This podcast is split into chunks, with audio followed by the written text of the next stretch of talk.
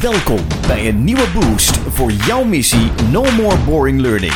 Dit is de Brain Bakery Podcast. Wat leuk dat je luistert naar een nieuwe aflevering van onze podcast. En ik vraag gewoon even om een luid applaus voor onze host, Jan-Peter!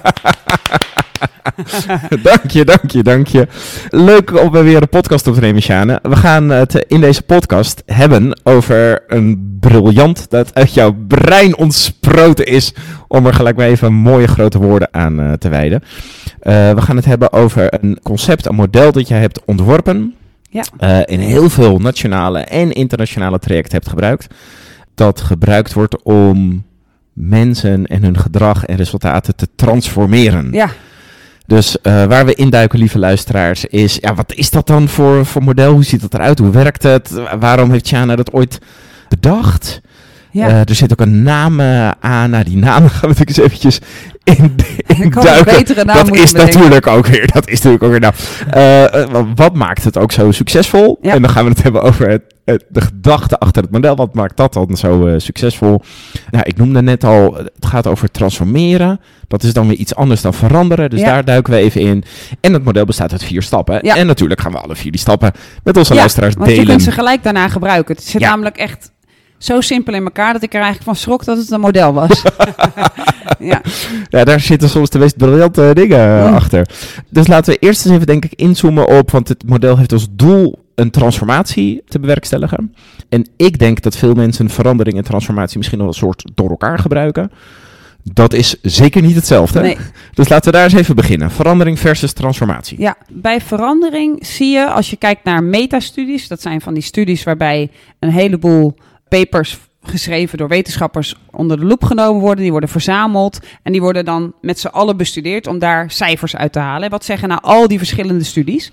Dan zie je dat er, er zijn heel veel verschillende metastudies over organisatieverandering geweest, dan zie je dat zo'n 70 tot 80 procent van alle ingezette eh, veranderingen, en dat zijn eigenlijk de optimistischste cijfers, maar 70 tot 80 procent van de, van de ingezette veranderingen in organisaties mislukt. Nee. Ja. Ja. Dat Er zijn ook cijfers die zeggen 95. Eh, het ligt eraan hoe je kijkt, maar als je echt wetenschappers bekijkt, dan is dit een, een percentage waar je van uit mag gaan. Dus als je 10 veranderingen inzet, dan, nou, dan mislukken er 7 of 8. En dan twee slagen. belachelijk veel. Ja, ja.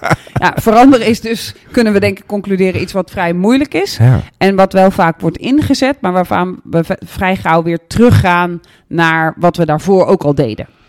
Wat zijn we toch een stelletje eigenwijs, eigenwijze, conservatieve wezens. Precies. Ja. Precies. ja. Of het wordt dus niet goed gedaan, die verandering. Ja, of het wordt niet goed gedaan. Ehm, en wat je ook ziet is, hè, de, de, de, de snelheid waarin we veranderen is natuurlijk exponentieel veranderd. Hè. Vroeger, ik weet wel dat er cijfers waren in de jaren 60, 70, deed je eens in de 5, 6, 7 jaar, deed je een grote organisatorische verandering.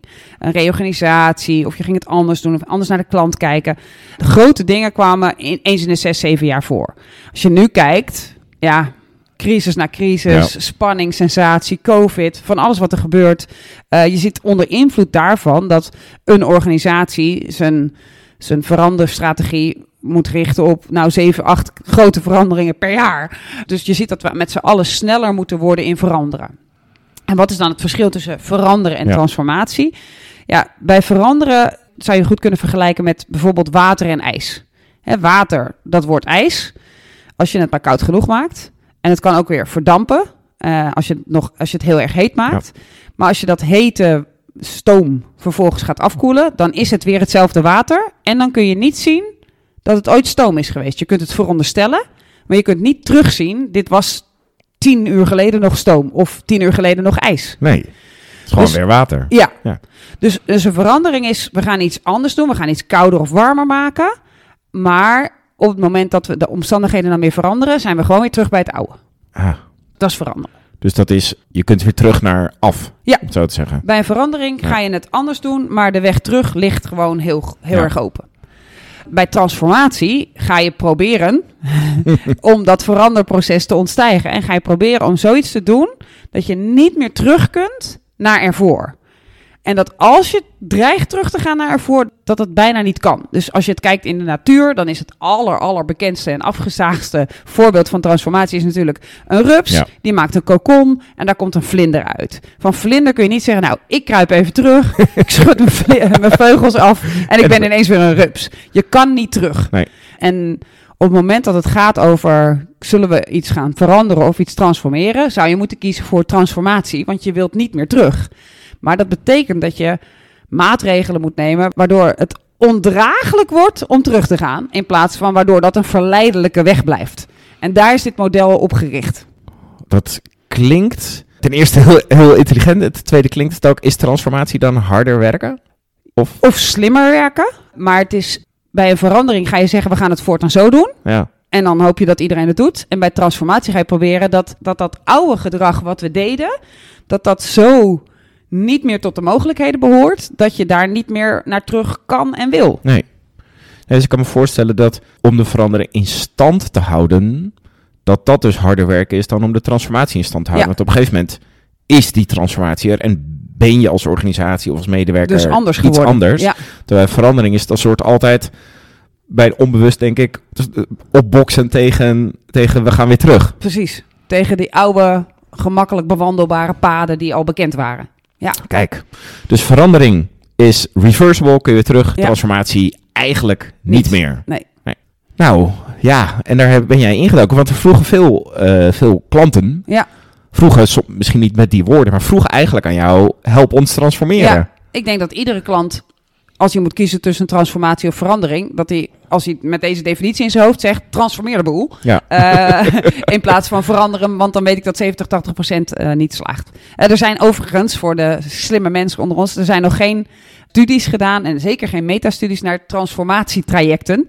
Eh, en of dat meer slaagt of niet. Ah. Eh, dus dat, dit is niet een wetenschappelijk betoog.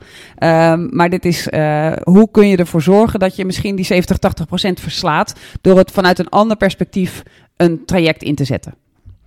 Laten we dan eens eh, duiken in, ja, je bent, je bent ook heel veel literatuur eh, ingedoken, je hebt veel onderzoek gedaan en je bent zelf gaan nadenken en daar is een vierstappenmodel Ja. uitgekomen. Ja, en wat grappig was, was dat ik op een gegeven moment ik, eh, bevraagd werd door een, eh, door een managementteam, een directieteam. Die bevroegen mij, Sjane, welke stappen moeten we dan doornemen, Ja. doorlopen? En dat ik gewoon die stappen uitlegde. En dat ze zeiden, zet dat nou eens op papier voor ons, want het klinkt heel logisch. Terwijl ik gewoon dacht, ik leg even uit hoe het moet. Gewoon, Want dat vond ik heel Ja. logisch. En toen moest ik het op papier zetten. Toen dacht ik, oh jeetje. En toen zette ik het op papier. En toen vroegen ze vervolgens... Oh, oké, dit model willen wij eh, gaan implementeren. Wat goed, wat een goed model. Hoe heet het? en ik zat toen in een soort fase dat ik alles kick-ass vond. Ehm, dus ik zei het kick-ass transformatiemodel. en sindsdien heet het dus zo. Maar dat slaat echt werkelijk nergens op. Ik, moet echt, ik had eigenlijk een betere naam moeten bedenken. Ja. Nou, ja, ik, ik weet niet of het willen, maar mochten de luisteraars zijn die suggesties hebben, we beloven niet per se dat we de naam eh, gaan veranderen, maar kick-ass transformatiemodel dus. Zo heet het. Dus het kwam doordat een klant eigenlijk vroeg van, joh, leg eens even uit hoe, hoe, gaan we dat doen? werk? En ik omschreef wat menselijk gedrag doet en hoe menselijk gedrag beïnvloed wordt. En zij vonden dat zo fascinerend dat ze mij eigenlijk vertelden dat het een model was en dat ik dat even op papier moest zetten met wat symbolen. Eh, en sindsdien, waar ik ook kom, hè, ook met trajecten voor, nou ja, voor Accor-hotels, 250.000 mensen wereldwijd, 100 landen, werken we vanuit dat model, werken we dingen uit om te zorgen dat als je het een verandering noemt, dat die zo goed mogelijk geborgd is. Maar vooral door te zorgen dat je niet meer terug wilt. Dat de, de weg terug, dat je die niet kunt nemen.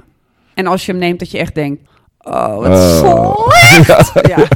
Dat je het echt voelt. ja, dat je echt een alarmbel Ja. in je hoofd hebt van, nee, dit is niet goed. Zullen we de vier stappen eens induiken? Ja.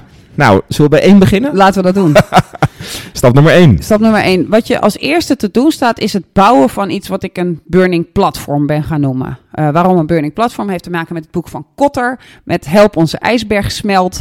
Op het Ja. moment dat je kunt zorgen in een traject dat datgene wat we nu aan het doen zijn, dat dat zo niet oké gaat voelen, dat je het als het ware een vuurtje onder je voeten voelt, waardoor je denkt, ik ga mijn voeten optillen. Ik moet in beweging gaan komen, want datgene wat we nu doen, de situatie zoals het nu is, die is ondraaglijk. Die wil ik niet meer hebben. Dus dat betekent dat als je een burning platform wilt bouwen, dat je dus voor alle lagen in de organisatie een verhaal moet gaan bedenken. Gebaseerd op feiten, gebaseerd op de wereld, gebaseerd op trends, uh, gebaseerd op gedrag. Waarbij iedereen die dat hoort op zijn eigen niveau denkt: hoe, als wij zo doorgaan, dan werkt dit niet. Dan gaat, en, en dan gaat er dus iets mis. Ja. De, de boodschap is dus eigenlijk altijd: er gaat iets mis als we zo doorgaan. Ja, dus daarom Ja. heet het ook burning. Het Ja. is niet cuddly, het is Nee. niet warm, het is niet gezellig. Het is niet het gezellige platform. Het is, eh, er moet iets in de brand gaan. Dat wil zeggen dat je het verhaal zo moet vertellen dat als wij zo doorgaan, gaat er dit mis. Eh, we weten allemaal, of ik hoop dat iedereen weet dat je makkelijker in beweging komt door pijn of Ja. dreigende pijn dan, dan door iets aantrekkelijks. Hè. Eh, we zouden willen dat we een mensheid waren die, oh ik zie iets moois, daar ga ik op af. Dat dat makkelijker gebeurt dan dat we iets willen voorkomen. Uh, maar de fear of loss uh, is gewoon een sterkere motivator. Dus bijvoorbeeld als je kijkt naar akkoordhotels, moest ik zorgen dat er een verhaal kwam dat zowel voor de directie interessant was als voor mensen in het hotel. Ja. Nou, cijfers over omzet, als je die presenteert aan je frontline workers, hè, aan de mensen die op de vloer het werk doen, dan denken ze wel, oh, erg hoor, of oh, mooi, of hmm, ja. Maar het is vooral de ver van mijn bedshow. Ja. Dus wat je wilt doen is zoiets opbouwen, een soort combinatie van verhalen, waardoor iedereen op zijn eigen niveau hoort, dit kan niet langer. Nou, de grote motivator die we toen vonden, toen met Accor, was dat Airbnb net opkwam. En die hadden binnen vijf jaar waren ze van nul kamers verhuurbaar in Parijs. In Parijs zit het hoofdkantoor Hm. van, uh, van Accor. Naar uh, 50.000 kamers. Zo. Als je kijkt op alle hotelkamers in Parijs, dan is dat een substantieel deel. En wat je ook zag, was dat in de grote steden... dat iets van 20% van de omzet ging van de hotels naar Airbnb. Nou, dat doet, dat doet pijn. Ja, Dus, dus voor de directie was dat een goed verhaal. ja. Maar als je dat verhaal vertelt aan de directie, top. Maar als je dat vertelt aan de mensen in het hotel, die denken... ja, maar ik zie het hier nog steeds druk, dus ja, leuk die cijfers. Uh, dus dus voor, voor hen moesten we bijvoorbeeld een heel ander verhaal gaan uh, bedenken. En uh, bij hun zagen we bijvoorbeeld dat... Ik ben toen heel veel gaan mystery visiten, hotels ingelopen met een trolley. En gaan kijken hoe word ik behandeld. En hoe je behandeld wordt is overal ongeveer hetzelfde. Het is Ja. best wel aardig, best wel oké. Maar het is, goedemiddag, ik zie een koffer, komt u inchecken? Of welkom in Parijs, komt u inchecken? Zo'n soort variant. Terwijl op het moment dat iemand in ging checken bij een Airbnb... dan was er van tevoren mailcontact geweest. Dus dan wisten ze wie er kwam. Ja. Ja. dus dan was het... Hey, uh, Sjane, welkom in Denver. Wat gaaf dat je er bent. We hebben hier Nederlandse koeien. Uh, want we hebben een grote Nederlandse community. Dus ik heb wat Nederlandse kaas in de koelkast gelegd... zodat je je thuis voelt. Maar ook een echt Denvers biertje. Uh, waardoor ik het gevoel kreeg, wauw, ik ben gezien, ze hebben iets voor me gedaan. En eigenlijk konden we dus aan de mensen die het werk in de hotels echt deden vertellen, je wordt in jouw game Ja. verslagen door een tandarts die een kamer verhuurt. Oeh. Oeh, hoe, hoe persoonlijk maak jij het? Hoe goed doe jij het? Dus bij het creëren van een burning platform gaat het erom dat je voor alle lagen van de organisaties iets weet te vertellen waardoor zij denken: oké, ik wil nu zelf gaan veranderen. Dus hoe zie je dat in een training? Als je het burning platform presenteert of laat zien of laat voelen of in een quiz stopt, dan wil je mensen van achteroverleunend naar voren leunend zien gaan en eigenlijk de vraag aan je stellen: oké, oké, oké, en wat gaan we hier aan doen? Omdat ze ineens engaged zijn en iets willen. Eerder is je burning platform niet geslaagd. Als je stap 1 niet slaagt, kun je stap 2, 3 en 4 wel vergeten. Nee, nee, dit is echt een hele duidelijke go of no-go. Hè? Ja. Je, je moet dat effect zien en voelen bij die deelnemers. Ja. Want anders ga je, op dat gezegd, maar ga je trekken aan een dood paard, dan, dan willen ze het niet echt. Dan ga je ze leren veranderen. Ja. En dat zeggen dat het heel goed zou zijn Ja. als ze zouden gaan veranderen. En dan gaan ze natuurlijk wel meeknikken en meedoen. Precies, ja. Maar je mag dus pas ook door, en daar trainen wij onze trainers ook in. Je mag pas door op het moment dat de deelnemers als het ware zelf met ideeën gaan komen, omdat ze denken: dit, dit moet anders. Ja, en en je, hebt hem, je hebt hem al genoemd in de bijzin voor de luisteraars. Het presenteren van omzet, van jaardata, KPI's in het rood of groen. Heeft niet, heeft niet dit effect, precies. Doet niks. Eh, Het, eh, in cognitief opzicht wel. Ja. Mensen snappen het wel, maar ze gaan er niet van aan. Nou ja, tenzij ik een directeur ben die aan de groot aandeelhouder Ja. moet gaan verantwoorden hoe het gaat en mijn bonus hangt er vanaf, dan kan zo'n cijfer een emotionele impact maken. Maar voor alle anderen in de organisatie niet. We gaan naar stap 2. Ja, Dus we hebben een burning platform. Ik zit op het puntje van mijn stoel als eh, deelnemer. Ja. Eh, en ik denk, oké, we nu? moeten iets. Ja. Wat nu? En dan is het van groot belang dat je een, hun gewoontes kent als trainers. Dat je Mhm. weet wat voor gewoontes zijn er bij hen ingeslopen. Die voorkomen dat zij dat burning platform verslaan. Dus je, wilt, je gaat op zoek naar wat voor comfortzone gedragingen zijn er. Wat voor routines sluipen erin in dit werk. Ja. En dan ga je kijken, zijn die routines, dragen die bij aan, aan de transformatie die ik voor me zie? Of houden die hem eigenlijk tegen? En deze stap noemen we attack the habit. Dat was omdat ik Nederlander ben en dat ik het woord attack best wel een fan. Je moet een Ja. aanval plegen op de gewoontes. Als je dat vertaalt, en zeker in het klimaat wat er sindsdien ontstaan is eh, met sommige attacks in sommige landen, Ja. dan eh, wordt dat vaak, eh, vinden mensen dat spannend. Dus dan wordt het wel eens gezegd, challenge, Challenge. the habit. Om het wat veiliger te Klinkt laten klinken. Maar wat je, ja. wat, je, wat je doet is op liefdevolle wijze, eh, wetend dat jij als mens ook allemaal gewoontes hebt die erin sluipen en routines, toch zorgen dat de routine die er ontstaan is bij die persoon, dat je die ja, aanvalt, Ja. waardoor iemand echt denkt, wat vreselijk dat ik dit doe. Hey, en ik denk dat veel eh, trainers en L&D'ers dit natuurlijk snappen. En ik kan me ook voorstellen dat ze denken... Oké, maar als ik dat ga doen richting mijn deelnemers... Hè, eh, ze zeggen altijd don't shoot the messenger. Maar toch gaan mijn deelnemers dan niet naar mij kijken... Wat loop jij hier nou eh, mij aan te vallen? We doen het al tien jaar zo. We zijn toch best wel succesvol. Dus dat is denk ik ook wel een delicate balans die je daarin moet Ja, brengen. als het burn- burning platform dus niet gelukt is Ja. en je gaat dan een aanval plegen, dan denken ze, oh, je vindt mij niet oké, dikke vinger naar jou. Hè, dus, dus dan werkt die sowieso niet. Nee. En ik denk dat het van jou als trainer vergt dat jij heel erg vanaf een plek aan het trainen bent, dat je respect hebt voor ze, dat je snapt waarom het gebeurt, dat je die routine, dat je die bij wijze van spreken kan uittekenen en kan zeggen, natuurlijk is het zo, als jij de 63ste klant van jou of gast van jou die dag incheckt, is het natuurlijk zo dat je op een gegeven moment zegt, goedemiddag, u komt waarschijnlijk ook inchecken. Hè? Eh, dat, dat, die, dat is algemeen menselijk, dat is niet erg. Dat betekent niet dat jij fout bent, betekent niet dat jij 's ochtends opstaat om de boel te torpederen. Dat betekent alleen dat je in de valkuil trapt, dat jij de 63ste gast laat voelen dat hij nummer 63 is, in plaats van hem een uniek gevoel te geven, want voor hem is het de eerste keer dat hij binnenloopt. Ehm, wat je ziet bij veel trainers is dat ze graag gedrag gaan aanleren, omdat ze dat gedrag beter vinden. En dan krijg je Ja. een verandering, want dan denk ik, ja, ja, het is inderdaad beter als ik het zo zeg.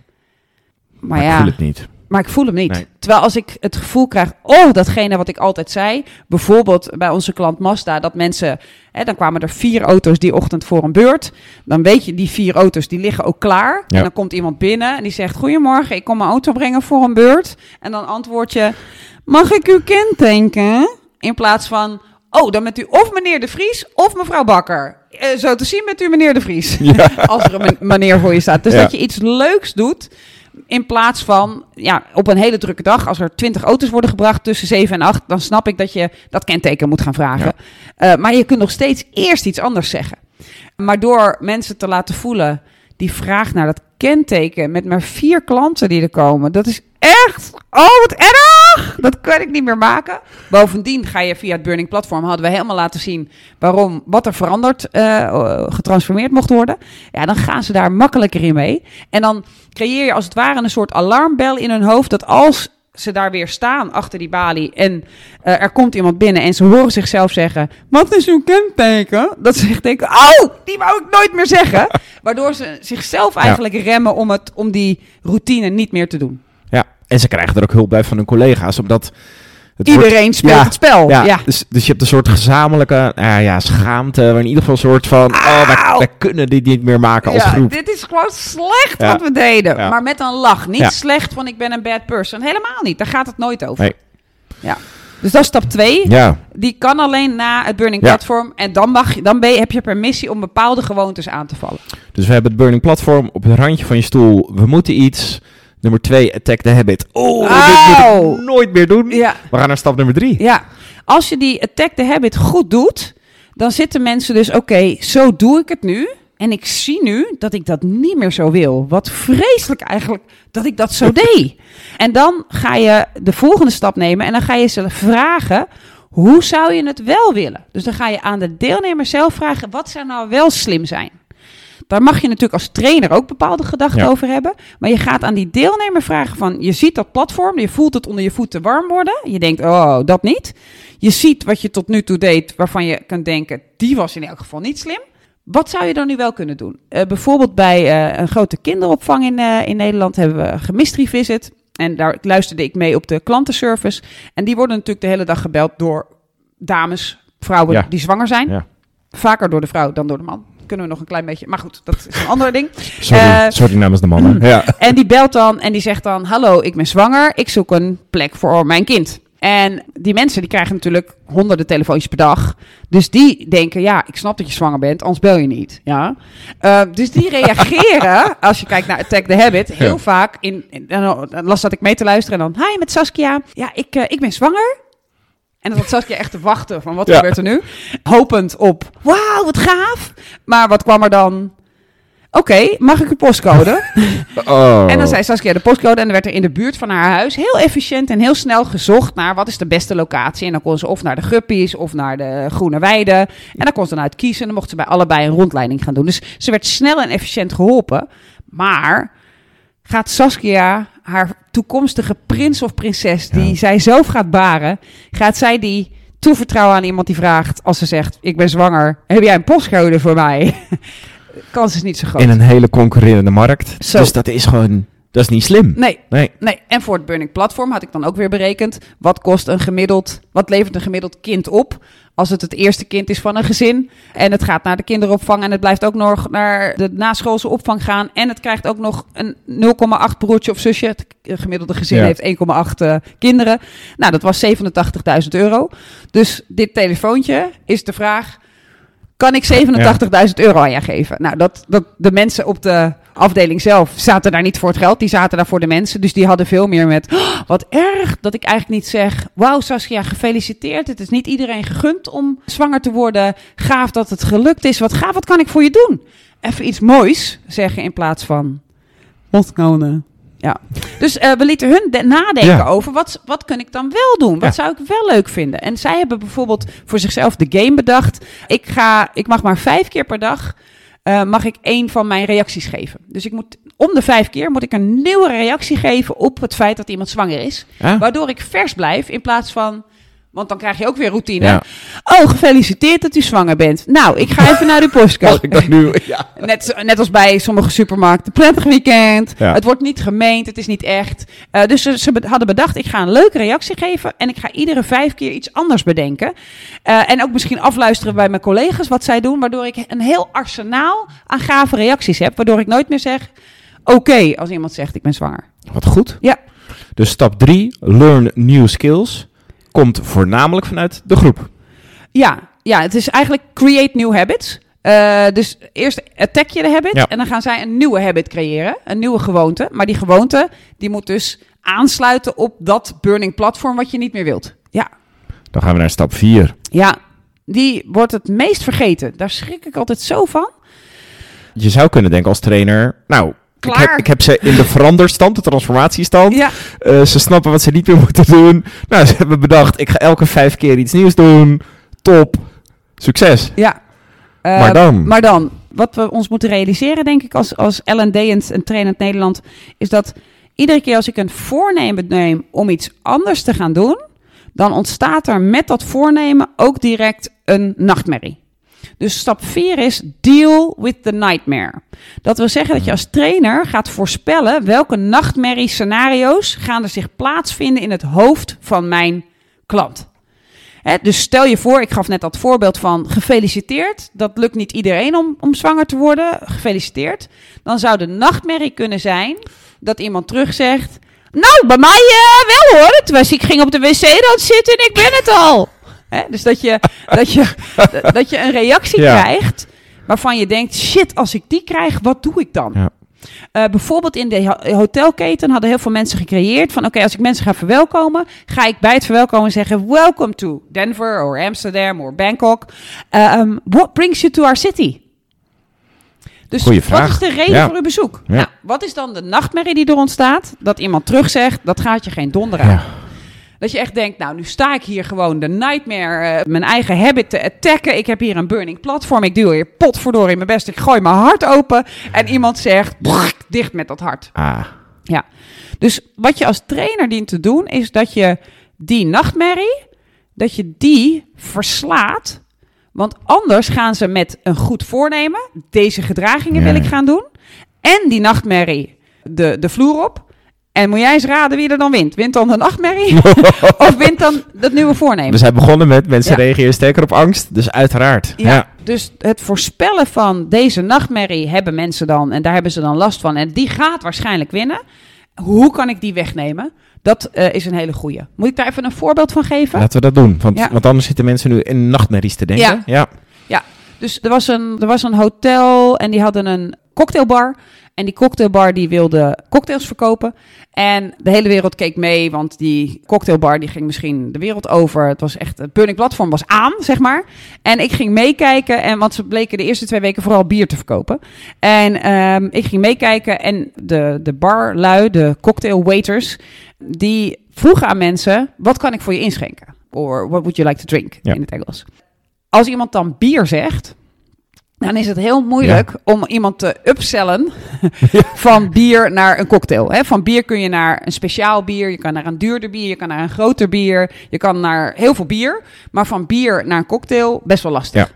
Dus die cocktailbar was open, bleken vooral bier te verkopen. Iedereen in paniek, ik erbij, ik meekijken. En toen ontdekte ik dat ze die vraag stelden. Nou, die vraag ben ik gaan aanvallen en ben ik gaan zeggen, jongens... Dan werk je in zo'n verschrikkelijk mooie cocktailbar. De hele wereld kijkt mee. Is dit de slimste vraag die jullie kunnen bedenken? Nou, toen kwamen, het waren allemaal van die hele mooie mannen met baarden en tattoos en van die bretels en zo'n cocktailstrikje, weet je wel. Dat je echt denkt, oh, lekker. En die bedachten, we gaan eh, een shakende beweging maken, alsof ik een cocktail shake. En ik ga aan klanten vragen, wat mag ik voor u shaken?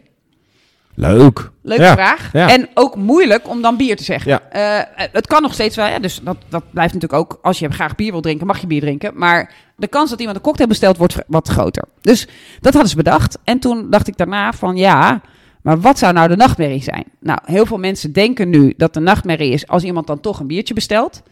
Eh, Ja. nee, Nee. want dan zouden ze gewoon antwoorden: nee, dat ga ik niet schudden, want dan eh, gaat al die koolzuur gaat het mis. Eh, dat is wel jammer ja. als, een- als een klant dat zegt, of een gast dat Ja. zegt. Maar daar hadden ze wel een reactie op. Dus daarom is het geen nachtmerrie. Ja, en ze zouden niet uit het veld geslagen zijn. Ze denken niet, ik doe hier zo mijn best, krijg ik dit. Hun grote angst bleek te zijn, ehm, omdat ze nieuw waren in de cocktailwereld, dat ze een aantal cocktails kenden, maar niet honderden cocktails. Dus hun grote angst zou zijn, eh, was, dat, dat zij zeggen, echt super stoer op een gast aflopen, hé, hey, wat mag ik voor je shaken? En dat iemand dan zegt, nou, doe mij maar een Moscow Mule. En dat ze dan zouden denken, coleren, ik weet niet hoe die werkt. Dus Zit ik hier zo tof te doen? zit ik hier Ja. tof te doen en ga ik af. Dus wat we daarvoor gedaan hebben, is we hebben die nachtmerrie op een aantal manieren verslagen. Want het doel is dus, dat is wel een goeie, als ik met ze klaar ben, dat die cocktailman naar zo'n gast toe loopt en hoopt dat zijn nachtmerrie uitkomt. Zo. Zo, zo ver wil je het nemen. Dus je, hij, je- ik wilde dat, dat ze eigenlijk alleen maar op jacht gingen naar onbekende cocktails. Dus dat hun angst omgedacht werd naar bring me de new cocktails die ik niet ken. Over transformatie gesproken. Precies. Ja.